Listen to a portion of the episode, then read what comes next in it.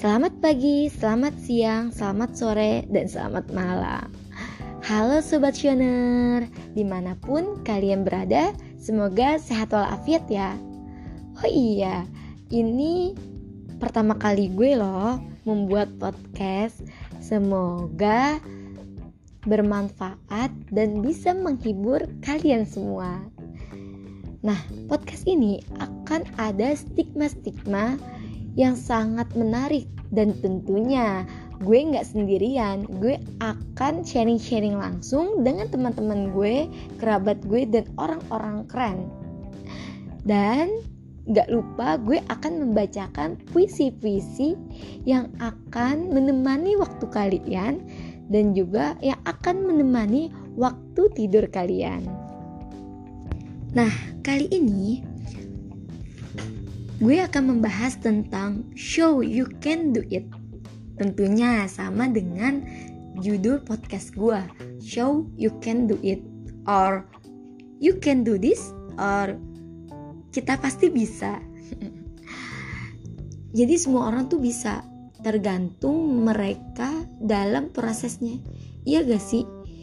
Kadang tuh orang melihat uh, dari sudut keberhasilan mereka, kadang kita melihat dari wah kok dia bisa ya? Wah kok dia keren ya? Aduh kok temen gue udah pada keren sih? Aduh aduh aduh. Dan kok hidup gue gini-gini aja gitu. Itu yang biasanya di pikiran kita. Sedangkan kita nggak tahu proses mereka tuh seperti apa. Uh, usaha mereka seperti apa. Kesabaran mereka seperti apa. Hmm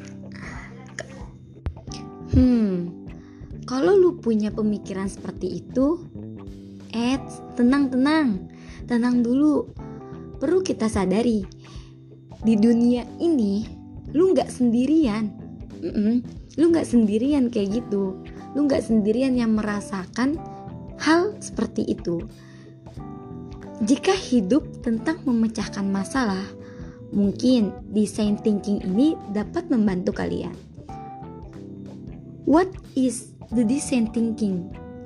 Siapa yang tahu tentang design thinking itu apa sih? Nah, jadi design thinking ini adalah metode dalam mendesain sesuatu, membuat properti. Nah, merasakan gagal itu wajar, iya gak sih? Tapi kita harus mencobanya lagi. Merasakan gagal perlu mengembangkan dari awal gitu. Jadi fokus on the problem. Fokus, fokus in your in your struggle. Gitu. Oke? Okay? Nah, design thinking ini memiliki dua langkah. Apa aja sih? Yang pertama, langkah pertama ini tentunya target jangka panjang. Target jangka panjang itu kayak apa? Kan gue nggak tahu.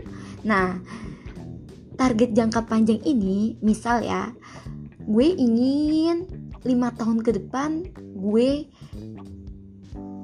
jadi apa gue pengen apa gue akan mencapai uh, tujuan gue apa gitu.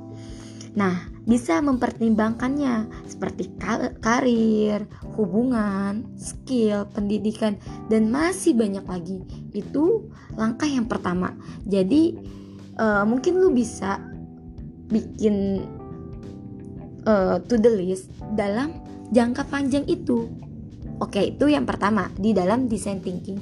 Dan yang kedua, langkah kedua itu tentukan target smart lu.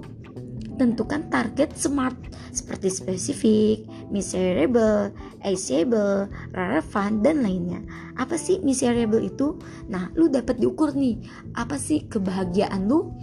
Jadi lu bikin to do list yang mana pencapaian lu itu uh, lu bikin dalam seminggu ini jika lu sering membaca buku mungkin mungkin ya mungkin satu tahun dua tahun yang akan datang lu bisa membuat buku.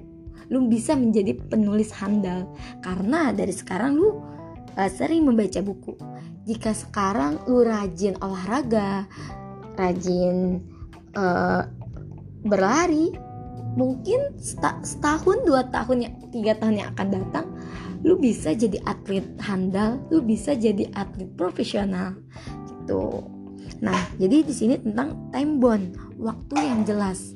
Lu bikin keseharian lu lu lebih apa ya lebih jelas gitu. Nggak di nggak hanya pikiran tapi ya harus ditulis gitu. Dan prioritaskan targetmu lu mau apa? Ya tulis. Tulis dan lakukan. Jangan tulis aja tapi dilihat jangan. Tulis lakukan tulis lakukan tulis lakukan. Dan yang terakhir just do it. Sebelum lu bilang ke orang-orang stop. Lu aja yang tahu gitu. Karena yang tahu kelamahan lu ya lu sendiri itu. Oke mungkin cukup ya sampai sini aja. Semoga bermanfaat untuk sobat showener. The next kita akan ngobrol-ngobrol lagi dengan orang-orang yang keren atau membuat stigma yang jauh lebih keren.